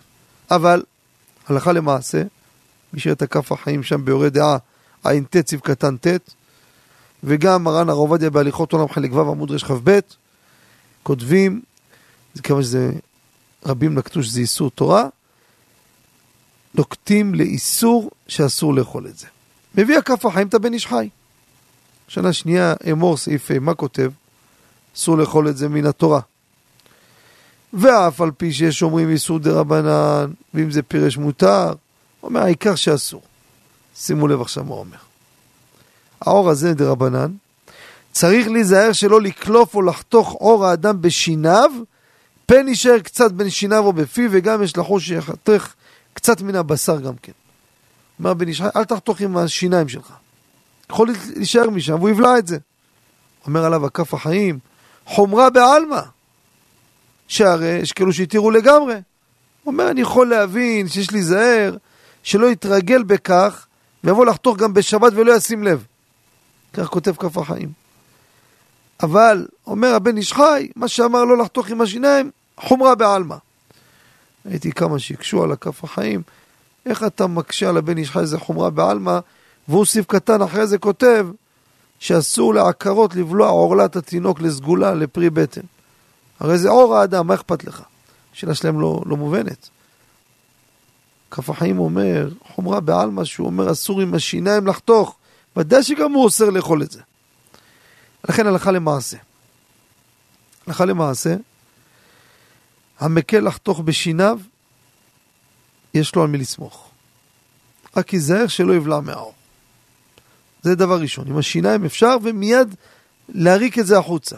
להעיף את זה מהשיניים. לשים לב שלא נשאר כלום. המחמיר, תבוא עליו ברכה. זה לגבי יום חול. עכשיו לגבי שבת, שואל המאזין הנכבד, מה עושים בשבת? הוא רוצה עכשיו לנגב את הפה שלו. קם בבוקר, שוטף פנים, לוקח מגבת, מעביר. אתה מעביר מגבת, הוא יודע שיש לו פה חתיכות עור כבר, בקושי נשאר להם חיבור לשפתיים. רק הוא ינגב, הם נתלשים. מרן בסימן ש"מ סעיף ב' כותב, אסור לחתוך יבלת מגופו, בין ביד, בין בכלי, בין לא, בין לאחר. כותב המשנה ברורה, אפילו יבשה, עומדת להתפרך מעצמה, אם כל זה אסור. לא חייב מן התורה, מהתורה כשהיא לחה ובכלי, אז זה גוזז. אבל אם זה לא ככה, כמו פה, זה אסור מדי רבנן. עכשיו יש לנו מרן בשכ"ח סעיף ל"א לגבי עור רצועות, זה נקרא ציצין, כמין רצועות דקות שפירשו מעור האצבע, האם מותר לתלוש אותם או לא, באופן שהוא מצטער. נדיר מאוד, יש מקרה חריג מאוד שזה מותר, שהם, שהם בעצם, הם פירשו גם כלפי מעלה, גם כלפי מטה, נשאר מחובר רק באמצע. נדיר מאוד, ככה פשט מרן. ודאי שזה בעיה. אומר רבי הוא הלכה, שם ביבלת, דבר שדרכו לתלוש ביד, חייב עליו משום גוזז. אומר אם כן, כשיש איזה עור מדודל על השפתיים, אפשר שחייב חטאת הצולש אותו אפילו בידו, שדרך לתלוש ביד ולא בכלי. חיי אדם, אומר, אם הוא נגיד מושך אותו קצת יותר, והוא לא תלש אותו. הוא בעצם תלש אותו, לא תלש אותו לגמרי, אבל הוא ניתק אותו עוד יותר, הוא מסתפק החיי אדם, בנשמת אדם בכלל כ"א. עכשיו, בוא ניגע לגבי לאשתו, אז זאת אומרת, קודם כל צריכים מאוד להיזהר, אסור לתלוש את האור הזה. עכשיו, מה קורה אם הוא עושה פעולה שהוא לא מתכוון להוציא את זה? אז זה תלוי. אם זה נקרא פסיק רשע. אם הוא עושה משהו חזק, הוא יודע, הוא רואה את האור, עוד מנגיעה זה נופל. זה בעיה. אבל שנוח לו שזה ירד. אז זה פסיק רשע, שנוח לו. אבל אם הוא מנגב את הפנים שלו בנחת, לא עושה חזק. תשאל אותו, תגיד לי, יצא לך מהאור? ואני מסופק. זה נקרא ספק פסיק רשע. ספק שיהיה פה פעולה ודאית על ידי הניגוף של הפנים שהאור יחתך. ספק פסיק רשע. כשהוא עושה בנחת, אין בזה בעיה. לכן אין מגבלה לאדם כשיש לו חתיכות עור שהוא מפחד לתלוש אותם בשבת, אין מגבלה לנגב את הפה, לא משנה עם נייר, מפיון, עם מגבת, שיעשה את זה אבל בעדינות, שאנחנו בעצם אפשר לומר שזה לא ברור וודאי שהוא תולש את האור. וממילא ספק פסיק ישה, ואין בזה איסור. זה בתמצית הדברים. כמובן, יש הרבה מה להעריך, להסביר שם את כל השיטות לגבי ציצין האלו, האורות האלו שפירשו, איך הציור בדיוק, אבל זה בהזדמנות, בעזרת השם, נגיע גם לזה. שיהיה לכבודו שבת שלום ובשורות טובות. לגבי, לגבי השאלה הראשונה, רק אה, הרב, הרב מה שאמר זה לתלוש את זה ב, ב, עם השיניים. שאלה אם אדם אוכל, אם הוא צריך לחשוש, כשיש לו משהו שעומד להתעלש, אם הוא צריך לתלוש אותו לפני כדי שלא יאכל אותו בטעות. תראה, ככה, הבנתי. אם הוא מכניס אוכל לפה, אז uh, הוא לא מתכוון לאכול, וגם לא ברור שהוא יאכל מזה. הוא מכניס אוכל לפה, הוא לא מכניס את האוכל ומשפשף אותו בשפתיים. יכול להיות שיקרה משהו, בסדר. גם כשהוא מדבר, יכול להיות שייכנס לו, כן? בפרט של אותן דעות שזה מותר לגמרי, אז בזה לא נחשוש. אבל, אבל בזמן האוכל, שהוא תולש את זה בשיניים, והוא שולט על מה שהוא עושה, הוא מרגיש עכשיו הוא תלש עור, והוא יורק אותו, מעיף אותו מהפה. אז זה, זה בסדר. נכון, לפי הבן איש חי, גם לא באוכל וגם כן באוכל, לא לעשות את זה. אבל כמו שאנחנו רואים פה, הבאנו לכם את כל התמונה, גם משהו מעיקר הדין שזה מחלוקת, גם חיים כותב על הבן איש חי, שזה חומרה בעלמא. זאת אומרת, עד כדי כך לא נחשוש, לכן אמרנו את מה שאמרנו. יישר כוח ושבת שלום. כן, אנחנו נחטוף עוד מאזין אחד אחרון, אומרים לי פה שקצר וקולע. כן, שלום וברכה. שלום כבוד הרב. שלום עליכם. רציתי לנסות להציע פתרון לבעיה שהייתה השבוע שעבר, שעלה מישהו בקשר לשימוש במיני בר ביום טוב. אה, כן, כן, בכבוד. לגבי הברז החשמלי. אמרתי, כן. אפשר לבקש מהחברה שתוסיף שם התקן של גרמה. כלומר, כשיגיע לשם לא יקרה שום דבר. אחרי חמש שניות, עשר שניות, כמה שיקראו, רק אז הוא יתחיל לפעול. ואז ממילא... כן, אבל, אבל זה לא הולך ככה, מחילה, כי המצוף הוא מיידית מפעיל את הברז. אם לא, הוא לא יכול לעשות השעיה. זה, זה, זה עובד על רעיון שכמות המים, כי אם אנחנו ניתן לו הפסקה, אז יכולים להיכנס עוד יותר מים. אם יש רעיון אה, טכנולוגי לעשות את זה ברמה הזו, כבודו צודק. אני אומר, לכאורה במצוף, כן. בדיוק, זמני ומתי ובאיזה גובה וכולי. כלומר, אם יש חשש שישרף גוף חימום או משהו כזה, אז עושים את זה קצת לפני. לא, לא מצד הגובה, זה, זה, זה, לא, לא מצד שרפה, זה אני מסכים. זה, זה כבר עשו גובה מסוים גם כשהמים לא יתקררו, אה, שכמות המים תבוא ותצטנן, זה ברור. אבל הפעולה שהמצוף משדר לו, מה יפעילו? מנגנון חשמלי שיעשה את הגרמה? אז הוא מפעיל את המנגנון החשמלי. אז עוד פעם זה מיידי. אה, כבודו רוצה לחשוב על זה. כן, כן, כן, לא, זה אני אומר, אה, יש בזה... יש בזה טענה. אדרבה. לא, לא, אני חושב על משהו אחר שאפשר יהיה לעשות. כמו שבצומת אה, עושים. כלומר, זה משהו. שעובד כל הזמן, כן, כן. הוא סובל, כאילו, לא, לא, לא, זאת אומרת, זה לא שהוא מכיל את זה, וכאשר הוא מגיע כן, ומזדהה... המשכת מצב. אלו שמחמירים בהמשכת מצב, לא פתרת להם את הבעיה. לא, לא, לא, לא, לא, לא, לא, אני מדבר על משהו אחר. הוא אומר לי, נשאר כמה שניות לסיום, מחילה. אה, אוקיי, פשוט... נדבר עוד. כבודו יחשוב על הרעיון, נתפור אותו שבוע הבא בלי נדר. יישר כוח. נודה למאזינים היקרים, נודה לידידנו יורם יצחק וזנה וכן שמחה בונים. ימשיכו להגדיל תורה ולאדירה. תודה לכם מאזינים הנכבדים, שיהיה לכולכם שבת שלום ומבורך.